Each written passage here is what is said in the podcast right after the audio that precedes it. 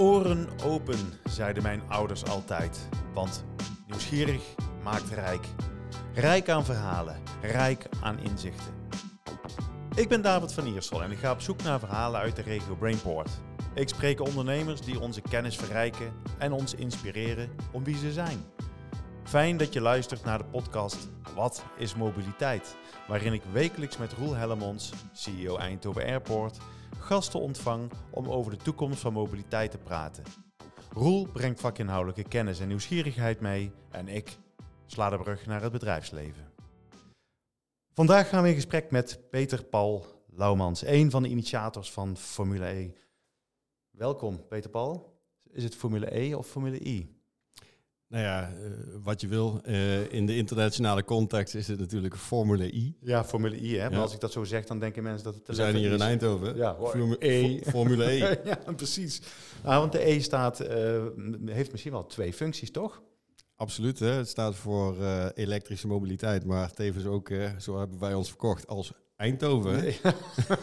nou, en dat is waar het hier ook om draait, deze regio. Dus het is wel goed om dat eventjes scherp te zetten. Maar voordat we daarover gaan praten, uh, uh, ik samen ook met, met Roel, um, eerst even iets over jouzelf. Zet jezelf eens eventjes kort neer.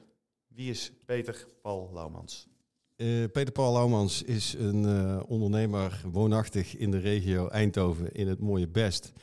Uh, vader van twee kinderen, uh, vrouw en een hond. Dus ja, ik voldoe aan het uh, ja, de Jan Modaal.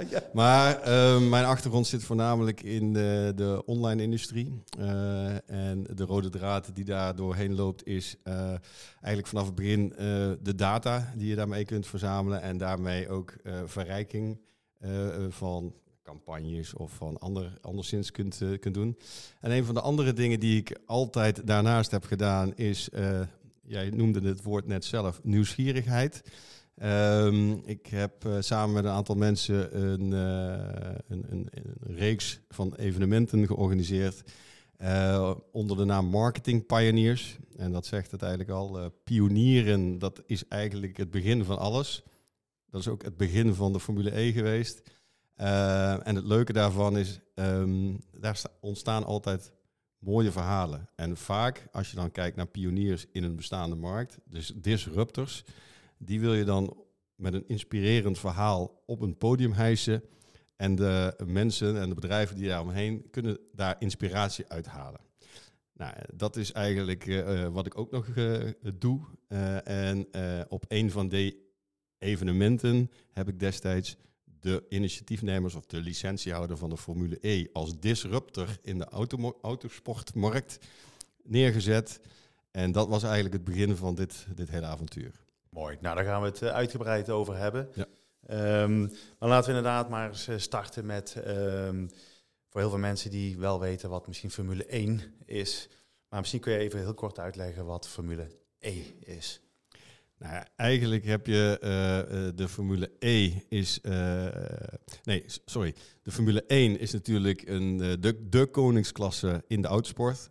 het is de kraamkamer van de nieuwe technologie, hè, die je straks in het straatbeeld ziet. Nou, als we weten dat tegenwoordig de nieuwe mobiliteit vooral naar elektrisch gaat, dan is het eigenlijk eenzelfde concept. Alleen dit gaat racen, uh, over racen met elektrische auto's. En het is de koningsklasse. Uh, en uiteindelijk is dat ook de kraamkamer van de ontwikkeling van nieuwe technologie die we straks allemaal op het straatbeeld zien.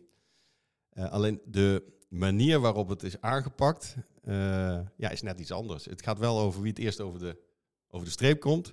Maar heel belangrijk extra onderdelen zijn energy management, waar we het over hebben.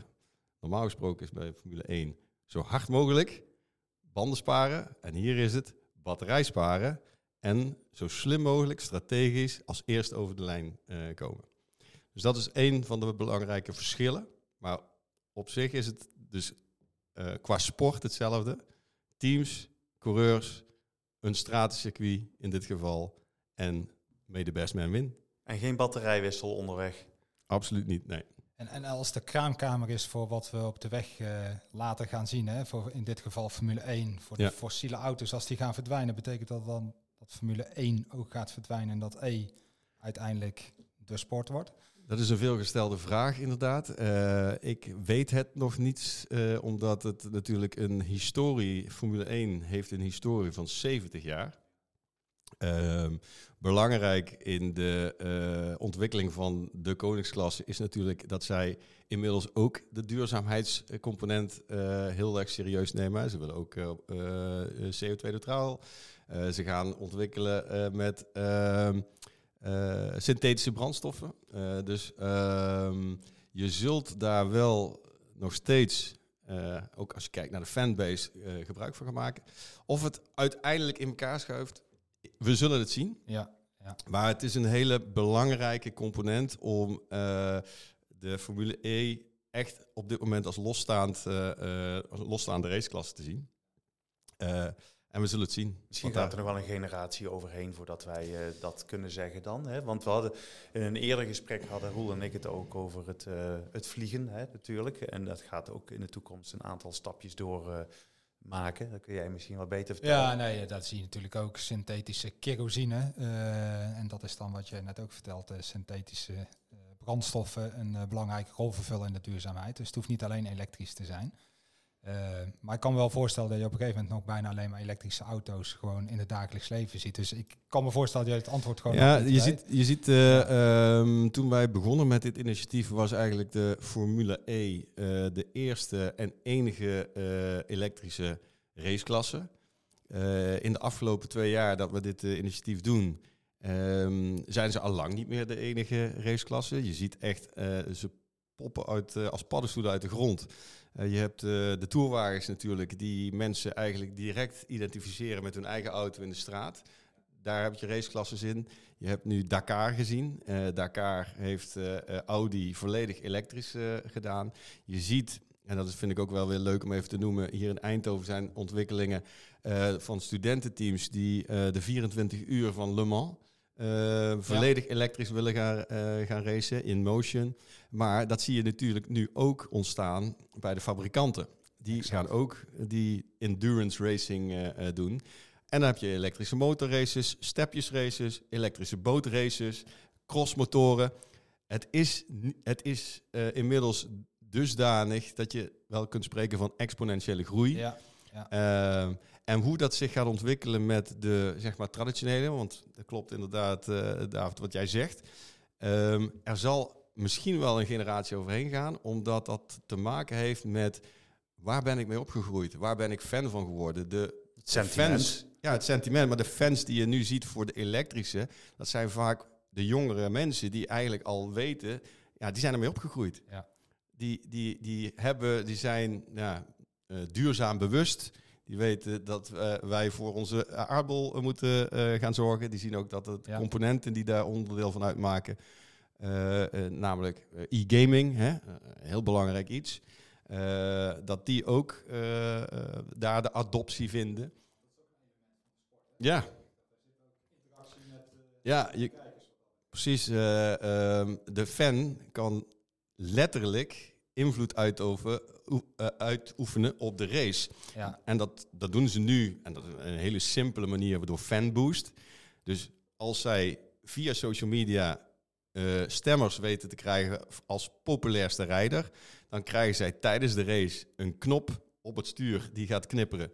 En dan krijgen ze extra motorvermogen. En die kunnen ze natuurlijk strategisch gaan inzetten. Ja. Heb ik een inhaalactie nodig en net even voor de uh, oudere kijkers uh, onder ons, vroeger hadden wij de Night Rider. Hè? Ja, ja, precies. Die zei dan de turbo boost. en die deed er dan een knop. Nou, dat hebben ze nu in real life. Maar die sprak ook in een, tele- of in een horloge, hè? Ja, Hello, ja kid. maar ik bedoel, uh, dat doen wij tegenwoordig ja. ook. Hè? Ja. Ik bedoel, al dat soort dingen die vroeger wellicht onmogelijk leken of ja, een soort ver van de bedshow. Dat zien we wat technologie mogelijk maakt.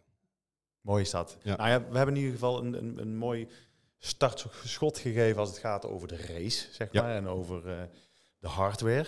Ja. Um, maar dan denken heel veel mensen van, uh, ja, Zandvoort was toch uh, de plek waar uh, geraced wordt.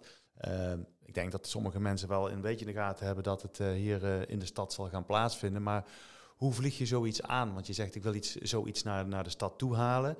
Wat komt er allemaal bij kijken? om dat te doen? Want eh, hier hebben we geen circuit, dus zal het anders moeten. Ja, ja dit is een, eh, eh, een hele reis. Eh, en ik kan je De, inmiddels... kort- de korte versie Ja, dan, precies. Ik kan, ik kan je inmiddels vertellen dat wij met een enthousiast team hier al best wel een tijd mee bezig zijn. Ehm, vanuit het idee, zeg maar, om het hier naartoe te halen, is eigenlijk ontstaan vanuit het congres wat ik je net vertelde. Dat heel veel ondernemers de directe link zagen en mij aangaven.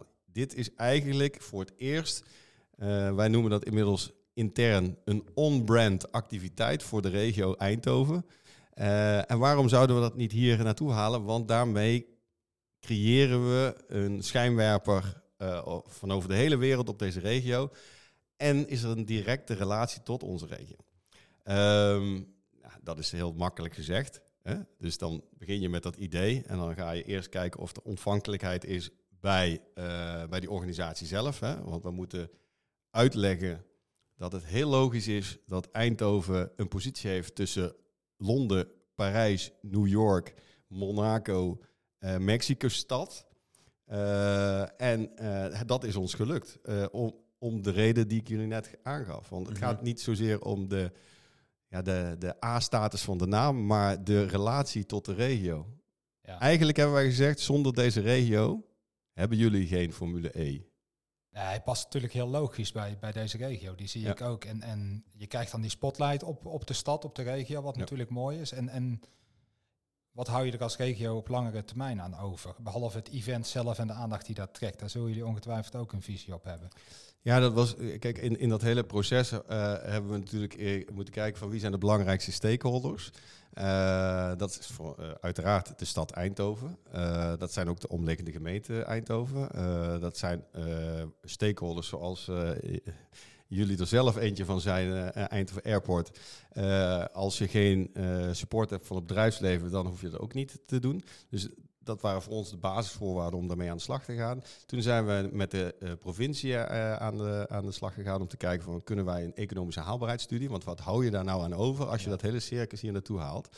En daar is een, eh, een instituut wat daar een onderzoek voor heeft gedaan. En eh, als we kijken naar puur de economische waarde, dan heb ik het nog niet over de maatschappelijke, maar over de puur de economische waarde wat zij hebben uitgerekend, is tussen de 20 en de 30 miljoen eh, per jaar haal jij aan economische waarde naar deze regio. En ja, dat is een significant bedrag. Ja, dat is zeker. Maar wat is het dan? Nou, dat, dat, is, dat is opgebouwd uit natuurlijk eh, ehm, de internationale bezoekers die je hier naartoe haalt.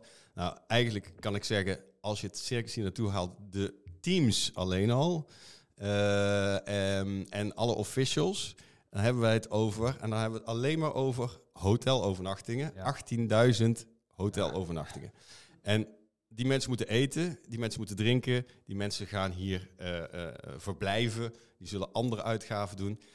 En als je dat dan optelt bij de fanbase die daar nog bij komt kijken en de, de aantrekkingskracht op de regio en de mediawaarde die wij dan gaan eh, eh, ja, bereiken doordat het over de hele wereld wordt uitgezonden, ja, dan, eh, ja, zo wordt dat opgebouwd, Ja. zeg maar. ja, mooi. Maar als je het dan hebt over eh, eh, volume, ehm, maar hoeveel mensen komen dan naar zo'n stad toe? Even los van het, het circus, zeg maar. De karavaan die hier naartoe komt. Ehm, we hebben het bij de Dutch eh, eh, Design Week weten van 4.500 mensen. Bij Glow komen er 700, 800.000 mensen naar deze kant toe. Eh, in welke orde van grootte moeten we dan denken? Nou, als, als je kijkt naar dit evenement, en je zou dat vergelijken met de, de initiatieven die je net vertelde, dat Mhm. zijn initiatieven die voor een wat langere periode lopen. En daardoor kun je, zeg maar, cumulatief een, heel interessant bezoekersaantal opbouwen. Het gaat hier om één dag. Hè? Ja. Het, het is één dag race. Hè? Wij, wij zelf als organisatie maken daar wat, eh, daar wat langere eh, van, want eh, je gaat daar relevante side-events omheen verzinnen. Maar als je puur even sec kijkt naar de gemiddelde bezoekersaantallen van een race op dit moment, dan moet je tussen de 30.000 en 50.000 eh, bezoekers voor een evenement rekenen. Ehm, maar het belangrijkste is eigenlijk om Eindhoven als bestemming te promoten in het buitenland. Eh, door die uitzending wordt over de hele wereld wordt dat uitgezonden. je krijgt eigenlijk de mogelijkheid om je regio en je stad te promoten aan bezoekers die misschien nog nooit, nog nooit aan Eindhoven hebben gedacht. En die moet je ook gaan meetellen. Dus, uh, en het is niet uh, zo dat dit een, zeg maar een campagne is of een eenmalig iets. Dit is eigenlijk wat je, net zoals je een fanbase zou moeten bouwen, um, voor langere termijn zou moeten doen. Het moet een terugkerend iets zijn. En dat is de insteek die we hebben gedaan om de kandidatuur voor elkaar te krijgen. Uh, maar wij hebben daarnaast wel gekeken van oké, wij hebben hier een enorme kans om de as van de sport, dat eenmalige moment in het weekend te gebruiken om veel meer activiteiten te gaan ontwikkelen samen met onze partners, omdat uh, die relevantie van die raceklasse en de regio één op één op elkaar liggen. Dus je kunt het hele jaar door activiteiten gaan organiseren. En dat is uh, nou, waar wij mee verder zijn gegaan. En dan wordt het qua economische haalbaarheid van de partijen die hierin het risico nemen. Maar ook het interessante voor de regio, uh, qua economische waarde, dat je het gewoon langer kunt uitsmeren over het, over het jaar heen komt veel bij kijken. Hè? Ja, maar spreekt spreek mij aan natuurlijk uh, Eindhoven internationaal op de kaart uh, zetten. Daarom is ook kwam Eindhoven Airport, uh, die dat ook als een verantwoordelijkheid voelt, hier een natuurlijke partner, denk ik. En ja. grote events die passen echt bij het DNA van de regio. Ja. ja. klinkt dan gewoon heel logisch. Dus ik vind het een logisch verhaal. Waar ik dan benieuwd naar ben, is, en dat zullen veel luisteraars waarschijnlijk ook zijn, van uh, wanneer gaat het voor het eerst gebeuren en, en, en waar dan? Waar gaan we dit uh, zien? Kun je daar al wat meer over vertellen? Uh, daar kan ik gedeeltelijk iets over vertellen. Ehm, de ambitie die wij hadden was eigenlijk 2022, dus ja. eigenlijk dit jaar op de kalender komen. nou, eigenlijk hadden we het net erover, wat komt er allemaal bij kijken om zoiets te organiseren intern maken wij altijd het grapje, ja, uh, wat wij doen is geen braderie. Hè? Ik bedoel, uh, het is waarschijnlijk het grootste evenement wat in de publieke ruimte hier ooit heeft plaatsgevonden. En dan heb ik het niet over Glow, en, uh, want dat zijn eigenlijk ja, meerdere locaties in de stad. D dit is geconcentreerd op één afgesloten, moet dat een afgesloten publieke ruimte gaan ja. plaatsvinden. En om daarvoor een geschikte locatie te vinden, samen met al onze stakeholders is een enorme uitdaging. Dus, maar even stoppen, dan ga ik ja. heel even onderbreken. Uh, je zegt een afgesloten ruimte. Um, het idee wordt wel eens gewekt dat het gewoon open in de stad zou zijn. Nou, of dat dan ja. in de binnenstad is, is nog een tweede. Um, het is dus niet zoals een wielerronde dat je daar gewoon naartoe kan lopen met je, ja, met je cool kist, zal ik maar zeggen, ja. uh, cool box en ik ga er lekker aan de rand van het circuit kijken. Dat gaat dus niet zo. Nee, daar zit, daar, zit een, uh, uh, daar zit een tweeledig antwoord in. Uh, er zal een area zijn, want ik heb meerdere van deze races bezocht in de, in de wereld. Er is altijd een area waarin je met je coolbox naartoe kunt. er is een fanzone. Uh, uh, zij noemen dat de e-village. Daar worden leuke dingen gedaan voor de bezoekers. Wat je dan ook ziet is dat uh, veel jonge gezinnen daar ook naartoe gaan. Maar net zoals ieder sportevenement heb je ook zeg maar tribuneplaatsen. Um, en hospitality aangelegenheden, ja, dat, dat is zeg maar wel afgeschermd. Dus wil je de race echt live gaan ervaren, dan kom je tot aan de track, hè, of het circuit. En dan uh, is het wel, ja, wij moeten ergens van leven, uh, uh, ook nog een kaartje kopen. dus um, het, de, de openbare ruimte is de, ja, het unique selling point van de Formule E. Je hebt geen geluidsoverlast, je hebt geen uitstoot. Je kunt het heel dicht naar de bewoners toe brengen.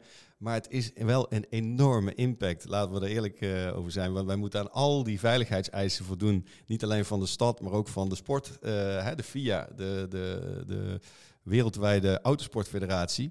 En um, daar komt heel veel engineering bij kijken. Het mooie is dat we zitten in de stad van de engineering. Uh, um, een aantal van onze partners die zijn inhoudelijk betrokken. dus Eindhovense bedrijven uh, en Nederlandse bedrijven inhoudelijk betrokken bij de ontwikkeling van al die uh, uh, ja, belangrijke onderdelen van het maken van een circuit. ja, dat is geen sinecure. Dat, dat, dat kan je niet zomaar even plotten als een kermis of een, of een braderie. Nou, ik kan me voorstellen dat dat midden in het centrum eigenlijk niet te doen is. Maar er zijn natuurlijk ontwikkelingen in de stad. Kijk naar Eindhoven Airport District, de BIC. Waar misschien wel kansen, kansen liggen om dingen te kunnen gaan doen. Ja, ja goed dat je dat even aanhaalt. Wij hebben inmiddels meerdere circuitopties samen met de stad en, en, en andere stakeholders onderzocht. Onze voorkeur, en dat was eigenlijk de voorkeur van iedereen, ook als je naar de storytelling gaat, hè, dat je hem bij wijze van spreken Monaco in het zuiden van zou maken, dus in de stad zou kunnen racen. Dat zou theoretisch ook kunnen, maar de impact op de veiligheid en de toegankelijkheid en alles wat hier in de regio gebeurt, hè, de, de Eindhoven groeit en wellicht kraakt van, de, van de ambitie en dat moet allemaal ook verstout kunnen worden. Dan ga je kijken naar, oké, waar kunnen wij als stakeholders elkaar vinden? En dat is inderdaad, als je zelf gaat kijken naar, uh, even als buitenstaander, van waar zit het ontwikkelgebied, het economische ontwikkelgebied van de regio Eindhoven, dan zie je dat heel nadrukkelijk bij BIG en bij Airport District. En, in die hoek, daar zie je die ontwikkeling. En als we dat weten, dan zou dat bij wijze van spreken ook een hele interessante optie kunnen zijn om daar naar een structurele plek te kijken om, om, om, om iets neer te leggen. Uh, dan heb je niet zozeer directe impact op, uh, op de binnenstad, maar heb je wel de mogelijkheden om de verhalen te vertellen die daarbij horen. Ja. En ga je dan echt Greenfield een, een, een, een track ontwerpen en daar neerleggen? Ehm, wij kijken eigenlijk altijd naar bestaande infrastructuur. Ehm, en dat, uh, daar zijn we nu achter gekomen samen met de, met de, circuitontwerper en, en de omgeving. En je hebt ook te maken met landschapsarchitecten. En je wil eigenlijk dat iedereen uh, zijn groene vriendje kan zetten. Bij de plannen die je ontwikkeld hebt. Hè. dat zijn ook de learnings die we hebben gehad in de afgelopen jaar. Heel mooi, hè? Heel mooi zo'n initiatief. Krijgt veel backing. Je denkt vanuit ondernemerschap ja, het is toch logisch, we moeten dit toch voor elkaar zien te krijgen. Alleen de, de praktijk is vaak weer barstiger. En dus uh, als jij, uh, wat we geleerd hebben, als wij denken van, oh, wij komen even uh, eh, 30 miljoen per jaar brengen. Dat, dan moet iedereen toch ons met open armen staan te ontvangen. Dat is. maar, laat, maar laat, laat de vragen ook gesteld worden, want er zijn heel veel ondernemers die ook de vraag zullen stellen van 20, 30 miljoen brengen is één ding, maar wat kost het? Ja, uh, uh, vele malen minder dan dat het oplevert. Dat hebben we ook. Uh, en, en dat is eigenlijk dezelfde vraag die je zou kunnen stellen. Wat kost een auto? Goeie vraag, maar ik stel hem Het heeft te maken met de plek. Het heeft te maken met de plek waar die ligt. Hè. De, de SEC, de productiekosten, die zijn te overzien. Um, maar ga jij uh, een uh, hele binnenstad verbouwen of ga jij naar infrastructuur kijken waar, uh, waar minder impact is, ja, dan is de investering natuurlijk daar ook naar vanhand minder in.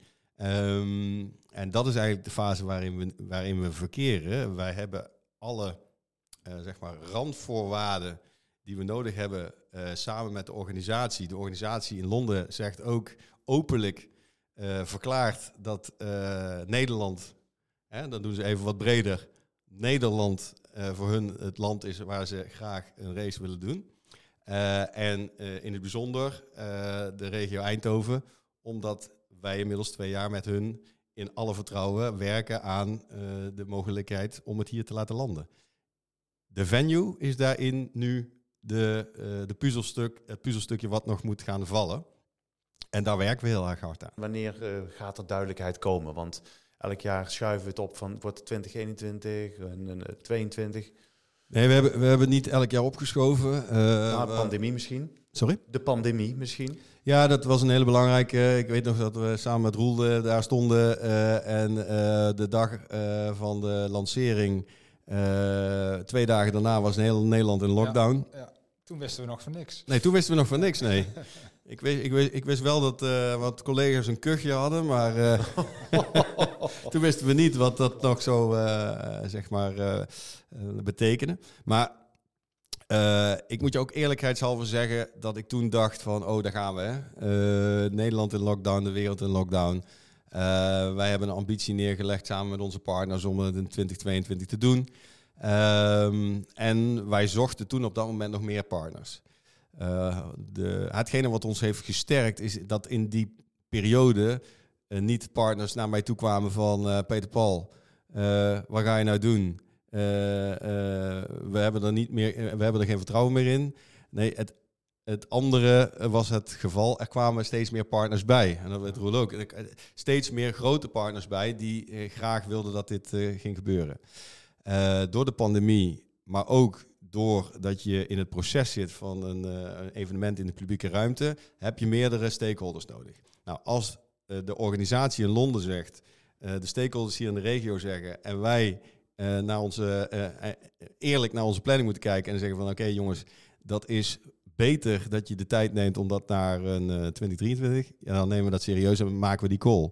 Maar dan moeten we wel ervoor zorgen dat we die periode ehm, gevuld krijgen. En de dingen doen die we moeten doen. Ja, en dat is eigenlijk hetgene waar we nu in zitten. En het komende jaar zullen we meer aandacht gaan besteden aan, aan het vertellen van die verhalen. Want ik vind dit hartstikke leuk. Uh, maar dit is eigenlijk wat we veel vaker moeten doen. Het authentieke verhaal vertellen. Uh, om begrip te creëren naar de buitenwereld toe. Maar ook om uh, te laten, de wereld te laten weten. Dit is nog steeds gaande. Wij maken progressie. Uh, het einddoel is nog niet bereikt. Uh, we hebben alle support nodig. Dat zijn de verhalen die we de komende blijven, uh, blijven ja. vertellen. Inderdaad. Blijven vertellen. Ja. We gaan het kort afsluiten. Heb jij nog een laatste, allerlaatste vraag, Roel, voor Peter Paul?